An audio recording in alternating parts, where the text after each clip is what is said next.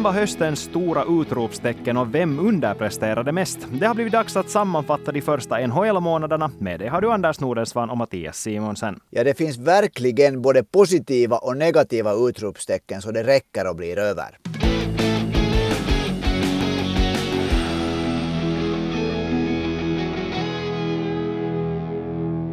Ja, nu har de flesta säkert fått vara lediga i några dagar, åtminstone en liten stund, och kanske hunnit återkoppla på det som har hänt så här långt, inte minst under NHL-säsongen, för det har vi åtminstone Anders tänkt på, eller vad? Det har vi verkligen gjort. Hela julen, hela tiden bara, bara fundera på den här, den här sändningen strax efter julen. ja, för grejen är, vi slog fast redan förra veckan att nu är det dags för oss att blicka tillbaka och titta på de första månaderna av NHL-säsongen 2022-2023 och plocka fram de som har stått ut både i positivt och negativ bemärkelse. Och nu börjar vi, tycker jag åtminstone, eftersom man nu är i julstämning och fortfarande har ganska bra filis i kroppen och sådär, så tycker jag att vi börjar med de positiva utropstecknen. Anders, vem tycker du att har imponerat mest under månaderna som har gått? Då måste man ju alltid utgå från ens egen inställning före säsongen och här kommer jag nog inte över en gammal bekanting.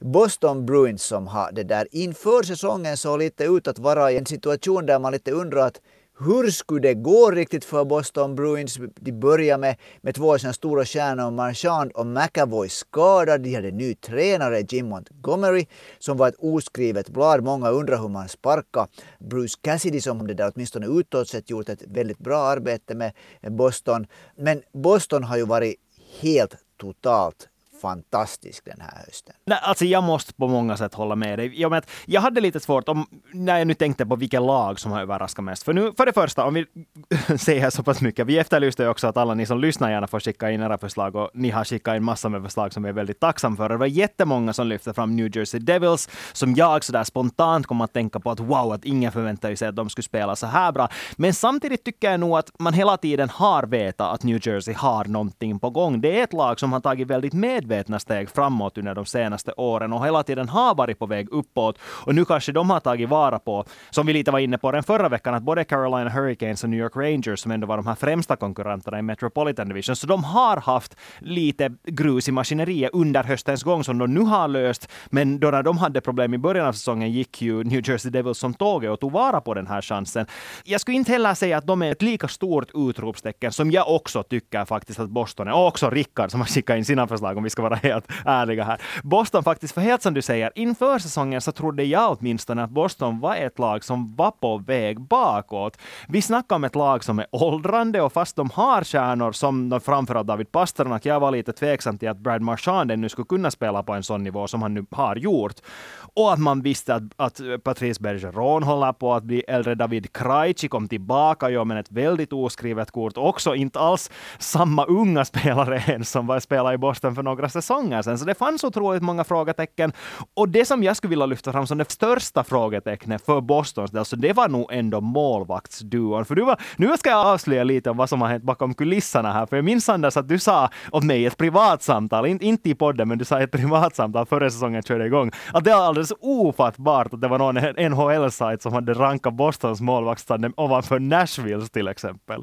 Ja, jag tror att jag skulle göra det på nytt om jag skulle liksom sättas i, i, i, samma situation utan att veta den här höstens händelser. Så det, där, det, var, det var nog ett, ett, ett genomtänkt uttalande. För att Linus Urmark har hittills aldrig riktigt ändå varit den här pålitliga målvakten och, och, och Swayman har varit lite svängig. Han har emellanåt sett bra ut men han har också levt skadorna har pinat honom emellan och han har kanske inte varit som bäst när det har gällt som mest. Visserligen så är vi ännu inne i grundserien och det gäller inte som mest ännu men då måste jag nog speciellt att säga att att Linus Urmark har nog för mig åtminstone kommit helt ut ur mörkret och visat sig vara på gränsen till ligans bästa målvakt den här hösten. Mm, om vi nu fokuserar på målvakten lite så finns här ju, ska vi säga, här finns några infallsvinklar. För det första så vill jag lyfta fram det att det kanske är helt naturligt att man hade sina dubier gällande dem i och med att man ändå jämför dem på ett undermedvetet plan. Om man nu inte aktivt jobbar för att inte jämföra dem med honom. Så man jämför dem ju lite med Tuukka Rask och man tänker bara att okej, okay, Boston var superbra när de hade Tuukka Rask Rask, är Linus Ullmark eller Swayman en tokaras. Nej,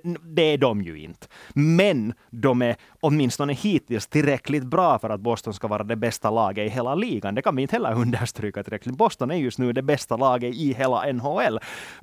Men så är den otroligt viktiga vårsäsongen kvar och slutspelet kvar. Inte vet vi ännu om de faktiskt håller måttet där också. Nej, men det där det som vi om, vi, om vi tittar lite på Boston, jag ska förresten säga det där nu som New Jersey Devils, om den här, om vi skulle ha haft det här äh, avsnittet för två veckor sedan, så tror jag att jag skulle ha sagt att New Jersey Devils är största utropstecken. Det är ju så att NHL är en serie som går framåt med grym fart och då påverkar det ju nog ganska snabbt det här läget som just nu är påverkar ju också liksom när de spelar så många matcher så två veckor kan förändra på verkligt mycket och det har faktiskt förändra nu mycket gällande New Jersey Devils. Däremot har två veckor inte alls förändrat på hur det går för Boston Bruins. Jag måste bara, jag måste riktigt ta fram det här och när man faktiskt kollar på det så är det nog så att man har svårt att tro det för de har alltså spelat, Boston Bruins har spelat 33 matcher sedan säsongen började i ligan. De har vunnit 27 av de här 33 matcherna. Alltså vunnit 27 av 33 matcher i NHL.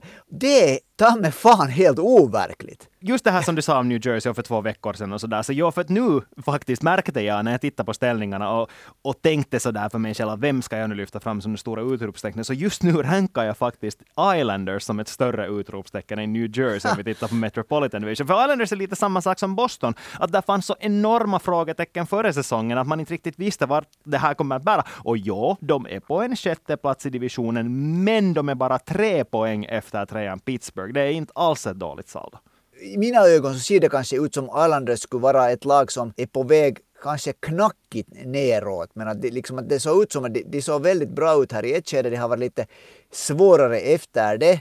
Det är ju en, en tuff division men det där. Så jag tycker att Islanders är för tillfället det här laget som de klänger sig fast i den där liksom, uh, då möjligtvis sista wildcard-platsen faktiskt. Där. Men, att det där, men det är ändå mer uh, än vad folk förväntar sig före säsongen. Det var det var min poäng. Va? Ja, alltså, Islanders var ju supersvårt att förvänta sig. Jo, jag, jag håller med. För när det i princip är samma lag som var i konferensfinal för det där ett par år sedan. Och sen mm, liksom var de, stämmer, gjorde de en helt förbi. Islanders tycker jag att hör igen till de här lagen som man som så ofta med NHL-lag, när det ändå är fråga alltid, vi glömmer alltid när man äh, kritiserar laget, i princip så har så gott som varje lag en väldigt bra ishockeyspelartrupp om man liksom tittar på den helt objektivt. Om vi tittar på de här förslagen som ni alla har skickat, eller era förslag på vem som ska vara säsongens positiva, hittills säsongens positiva utropstecken. Så här är ganska väntade namn. Sådana namn som vi också har diskuterat på det som Mattias Macelli, Tage, som det ska uttalas nu har vi slagit fast den Tage Thompson, som för att citera William här, vilket monster, och det är ju helt sant med honom. Men så har vi ju såklart Jason Robertson framförallt och Dallas Stars. Och jo, Colorado har haft skadeproblem, Colorado har haft det motigt i Central Division, men nu är det ju kanske ändå över förväntningarna att Dallas har varit så bra som de har varit hittills. Det stämmer och här det där lyfter jag igen åtminstone min arm upp direkt och säger att jag har inte på flera år riktigt förstått mig på Peter DeBoer. Jag tycker att han inte var hemskt bra de senaste åren när San Jose Sharks. Han såg alltid missnöjd ut och laget spelar dåligt och alla vet att det inte gick som det skulle gå i Vegas. Så det där, jag trodde inte så hemskt mycket på Peter DeBoer. Äh, eh, äh, eh, jag hade hundraprocentigt fel. Mm. Och så finns det ett lag rakt bakom dem i, i ställningarna. Winnipeg Jets på en andra plats i Central med 43 poäng, tre poäng efter Dallas och har spelat en match färre. Dessutom så inte kommer vi heller ifrån det att om man frågar i Kanada så är det säkert ganska många som genast nämner att no, Winnipeg Jets är ju nog säsongens utropstecken så här långt. Och ett otroligt utropstecken igen ett lag som undertecknar din tro, för kanske det är bäst hör du att du byter ut det där. du tar någon annan hit och snackar ja, för att ja, det där, jag vet ju uppenbart inte någonting om NHL eller ishockey, för jag trodde inte heller alls på Winnipeg Jets. Jag tyckte att Rick Bonus, att, va, va, varför tar de den här killen som det där är på väg på i pensionsåldern, det där. Ah, så kom han dit och så gjorde han någonting väldigt, väldigt smart och nu har vi sett egentligen först nu hur smart det var att han tog bort kaptensc från Blake Wheelers tröja för Blake Wheeler har kanske inte varit den optimala kaptenen åtminstone när det gäller stämningen. Och så plötsligt Någonting har han gjort men Winnipeg spelar sprudlande hockey faktiskt. När vi talar om den västra konferensen så kan, kommer vi inte heller ifrån det faktumet att där finns en svensk back som har gjort, eller håller på att göra, sin bästa säsong någonsin faktiskt. Och om, det, om han fortsätter att leverera poäng i den här takt som han har gjort nu så kommer han att nå över 100 poäng. Erik Karlsson, assisterande lagkapten i San Jose Sharks. Ett lag som för övrigt är alldeles bedrövligt, men så har de en Erik Karlsson som gör en alldeles otrolig säsong. Tycker du som jag att det är lite svårt att separera det här, eh, att San Jose Sharks är liksom ett så då, dåligt lag för tillfället och det att en back där är den som hela tiden gör grymma mängder med poäng. det här går ju lite så här emot det vad du skrev din kolumn om på svenska.ylen.fi sport för några veckor sedan, det här om att jaget har börjat komma före laget i NHL och där är ju i allra högsta grad det som det handlar om. Men samtidigt kommer vi inte ifrån det. Och det är, det är många av er som också har skickat in att uttryckligen Erik Karlsson är det här stora utropstecknet. På många sätt är han ju det. Vi kommer inte ifrån att han har 13 plus 33, 46 poäng på 35 matcher. Enligt åtminstone till exempel Elite Prospects, de gör ju alltid så här, de förutspår vad en spelare kommer att sluta på för poäng om de producerar i samma takt. Och för, för hans del är det 107 poäng. Och det är ett alldeles otroligt saldo oavsett i vilket lag du spelar i. Om han gör det så är det ju en av de mest fantastiska säsongerna någonsin av en back i NHL när det gäller offensiv produktion. Det intressanta är att Erik Karlsson blommade ut i San Jose när Brent Burns åkte iväg. Äh, jag har för mig att de kom jättebra överens, men tydligen har det varit två sådana här killar som vill spela alla viktiga äh, situationer åtminstone när det, när det gäller att, att producera uppåt offensivt. Och där har liksom Erik Karlsson nu blivit utan, ingen hotar honom, han är den hästen man satsar på där. Och han har ju burit på det sättet det ansvaret. Men det är på något sätt svårt det här alltid när ett, när ett lag går helt uselt och en spelare gör en massa poäng. Så det, där, det har inte riktigt, åtminstone i mina ögon, riktigt samma värde som när en, en spelare gör grymma mängder ett poäng som spelar starkt som till exempel Kelma Carr.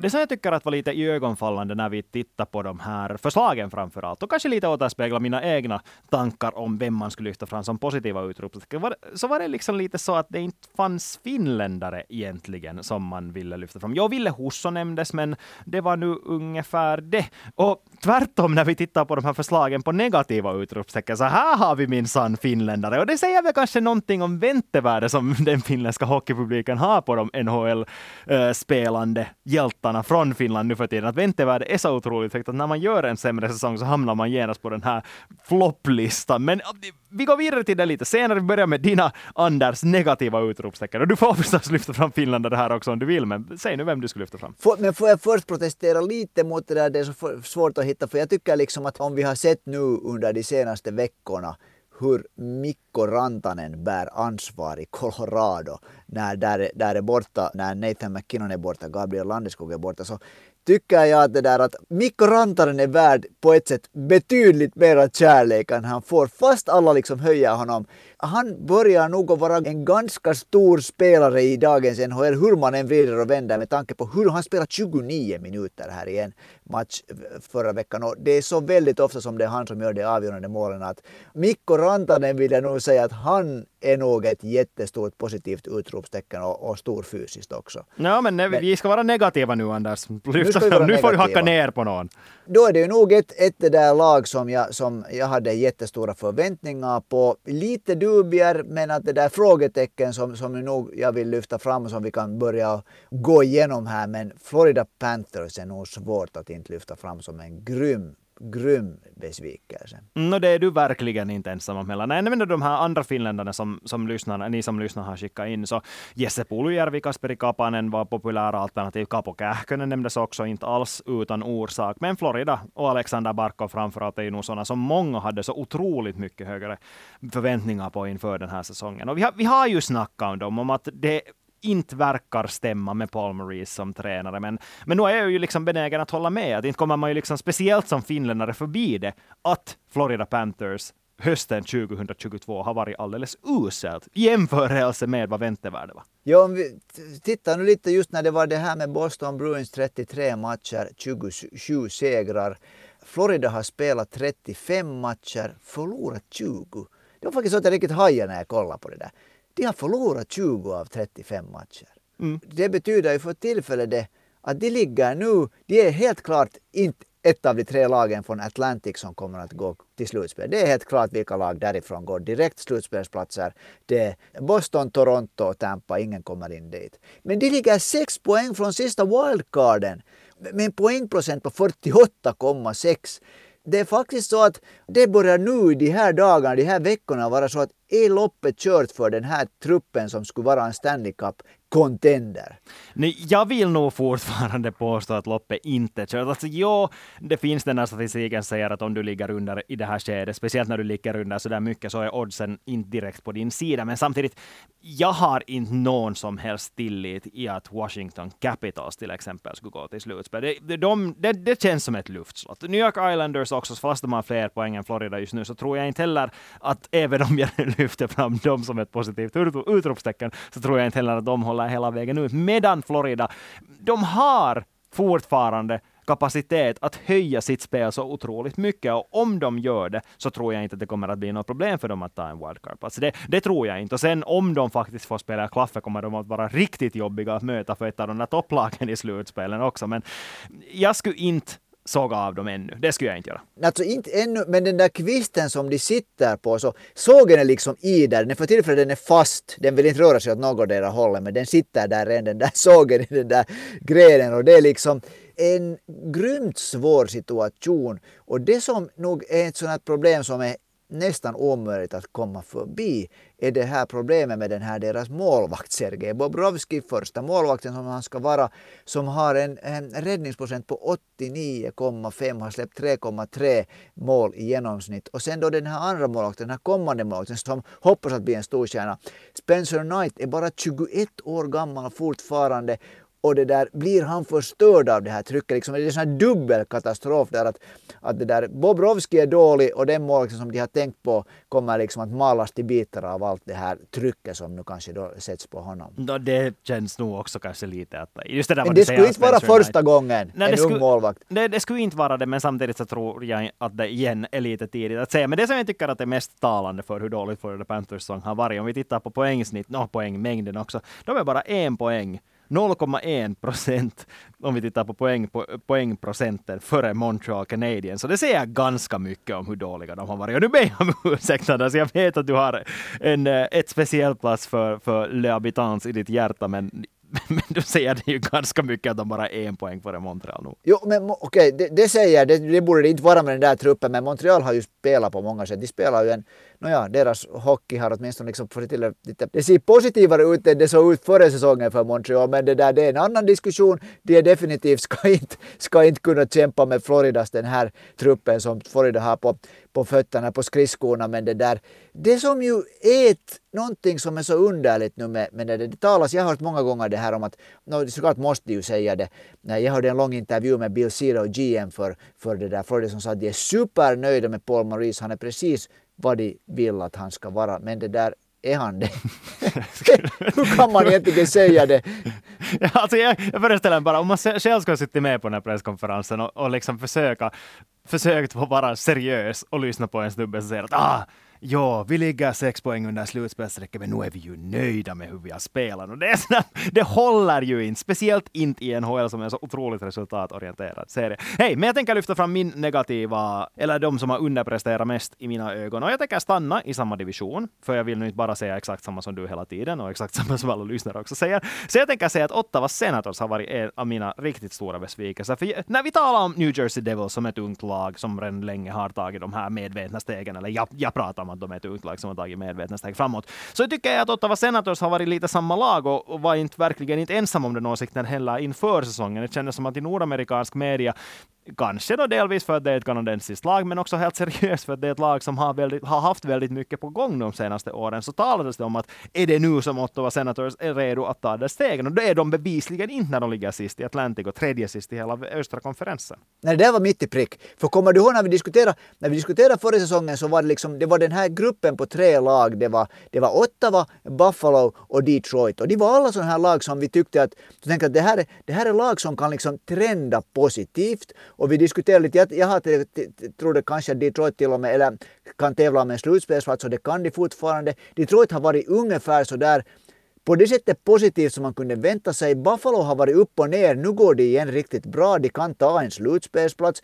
Medan Ottawa har varit liksom stadigt här, den här stora besvikelsen i den här trion. De här två andra lagen har gått klart framåt. De är på, liksom på den vägen som, som man kanske har stakat ut som man har hoppats kunna gå. Så Ottawa har nog liksom tagit eh, ett steg på sidan åt, åt vägen och ett steg bakåt. Mm, exakt, och det är ju såklart en förklaring att hela Atlantic-divisionen har varit ganska bra den här säsongen. Det kommer vi inte heller ifrån. Att, att sett till hur bra hela divisionen med tanke på bredden som det finns inom divisionen. När vi snackar om att Ottawa är det sämsta laget i divisionen så säger det ganska mycket om hur bra alla andra har varit. För här finns inte några sådana slagpåsar som Philadelphia och Columbus eller från västra konferensen. Vi tar exempel Arizona, Chicago eller Anaheim. Det finns inte sådana lag. Det finns egentligen bara tuffa lag att möta och då är det så att om du hamnar i en svacka, en, en liten svacka, så går det ganska snabbt utför. Och det tror att det är det som vi har märkt med Ottawa. Ja, för det ska sägas att när man ser Ottawa spela, eh, egentligen mot vilket lag som helst, händer det inte, tycker jag åtminstone, att Ottawa ser ut sådär som att vara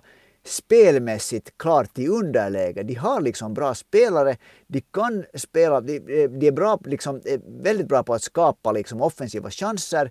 Men, men de har det här att, som den här underliga grejen som kommer in att ett lag plötsligt lyckas vinna alla de här jämna matcherna eller så förlorar de alla de här jämna matcherna. Ottawa i det här laget, de bara liksom, de kan, inte, de kan liksom inte ta en match och vinna den. Ja, och lite talande för hur nära de egentligen är det där att faktiskt börja vinna matcher också. Så det är deras deras målskillnad är bättre än vad Detroit Red Wings målskillnad. Ja, just det. Ja, Detroit tycker jag ännu också har det här att, att de gör emellan sådana här helt förbi matcher på ett kanske lite annat sätt än Ottawa.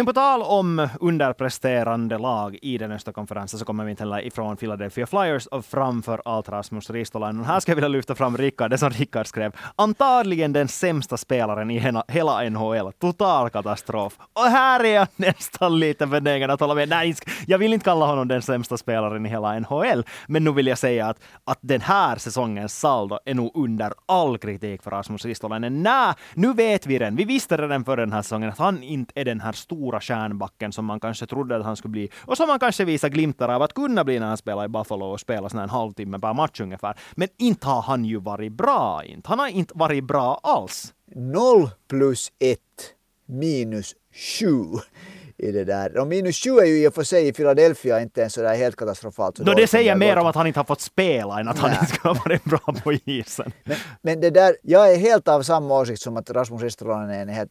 No, jag vet inte mer om man kan bli besviken. Jag tror att jag, jag, jag slutade att vara besviken på det att Rasmus Ristolainen inte är bra här för lite drygt ett år sedan. Jag, liksom, jag tänkte att det, skulle, att, han, att det skulle börja gå bättre. Men nu har han liksom på något han är helt enkelt en spelare som äh, inte tillhör den här dagens NHL. Han är för långsam i sina svängar och det där söker liksom, han, han, är sån här, han söker den här fysiska kontakten hela tiden när det mer och mer blir så att de här bästa backarna egentligen ähm, försvarar sig med, med att placera sig och försvara med en aktiv klubba och med grym skridskoåkning han är, det där, han är helt enkelt lite på fel plats nu. Ja, alltså jag minns den här, eh, det var Yle Urheilu som hade gjort en, eller gjort en artikel för flera år sedan, där de pratade om att hur tacklingsspelet i NHL har ändrats. Att det, man, man ser inte mer sådana Scott Stevens tacklingar, där man faktiskt liksom kör över någon på öppen is. Och att Rasmus Ristolainen i den där intervjun sa att nej, så är det inte mer. Att som modern back så måste man liksom välja sina lägen där man försöker ta de här tacklingarna väldigt noga. Men samtidigt tycker jag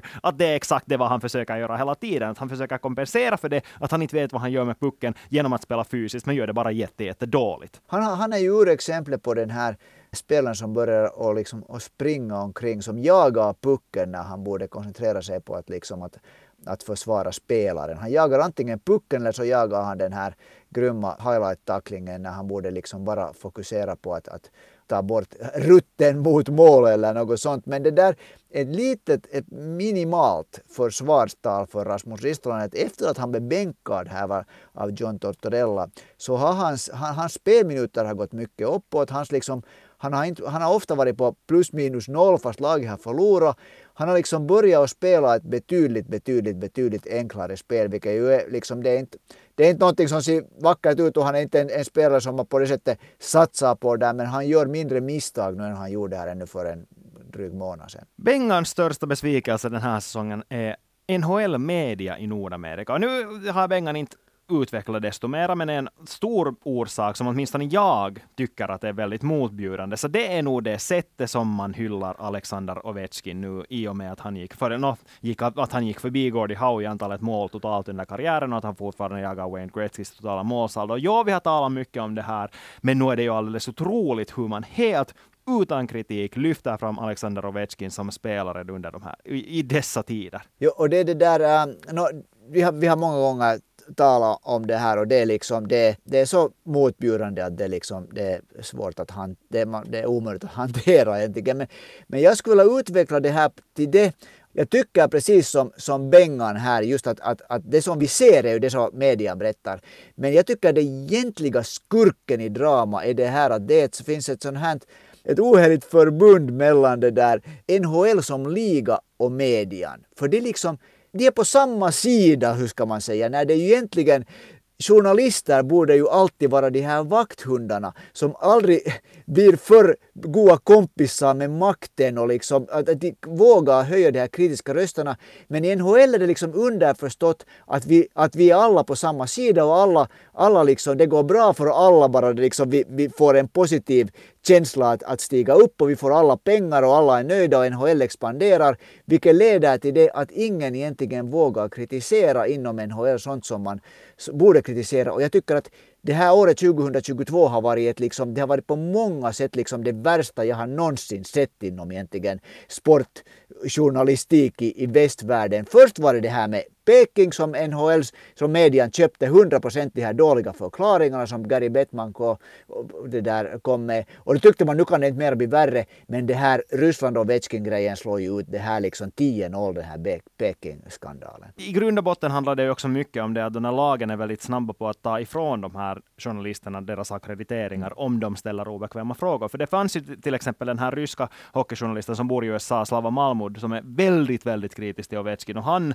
eh, under en tid då han ännu var aktiv hockeyjournalist så har han ju berättat öppet om det att när han började ställa kritiska frågor till Ovechkin om hans förhållande till Putin så drog Washington Capitals in hans akkreditering för att det, de helt enkelt anser att politik inte har någonting att göra i omklädningsrummet dit journalisterna i NHL får fara efter varje match. Så att det, det, det är helt som du säger att ligan och media i Nordamerika lever i en ganska ohälsosam symbios på jättemånga sätt. Och det är ju inte NHL ensam om. det är så som det ser ut i alla proffsligor i USA. De här inside-journalisterna har ett visst förtroende bland lagen i och med att lagen vet att de kommer inte att börja sprida sådana här kritiska frågor på samma sätt, utan de fokuserar på det positiva och så får de också sådana inside scoop på det sättet. Och det är så som det fungerar helt enkelt. Där. Det som är så fruktansvärt är att det finns ingen kritisk röst.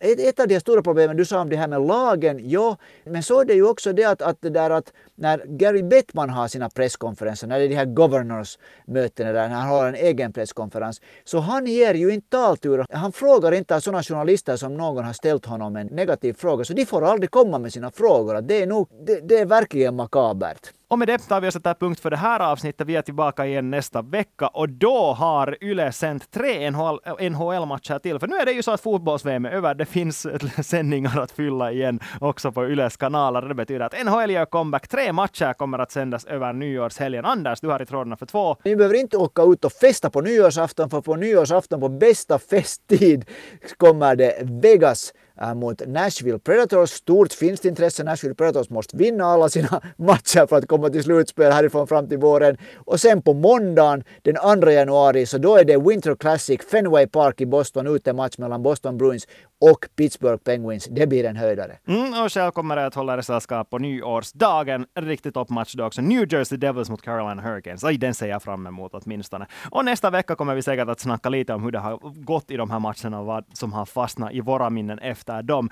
Om ni har några frågor eller förslag på samtalsämnen så skicka in dem till Ylesportens Instagram eller per mail till svenskasporten.yle.fi. Tack och hej och ha det bra och ett gott nytt år eller gott slut på det här året.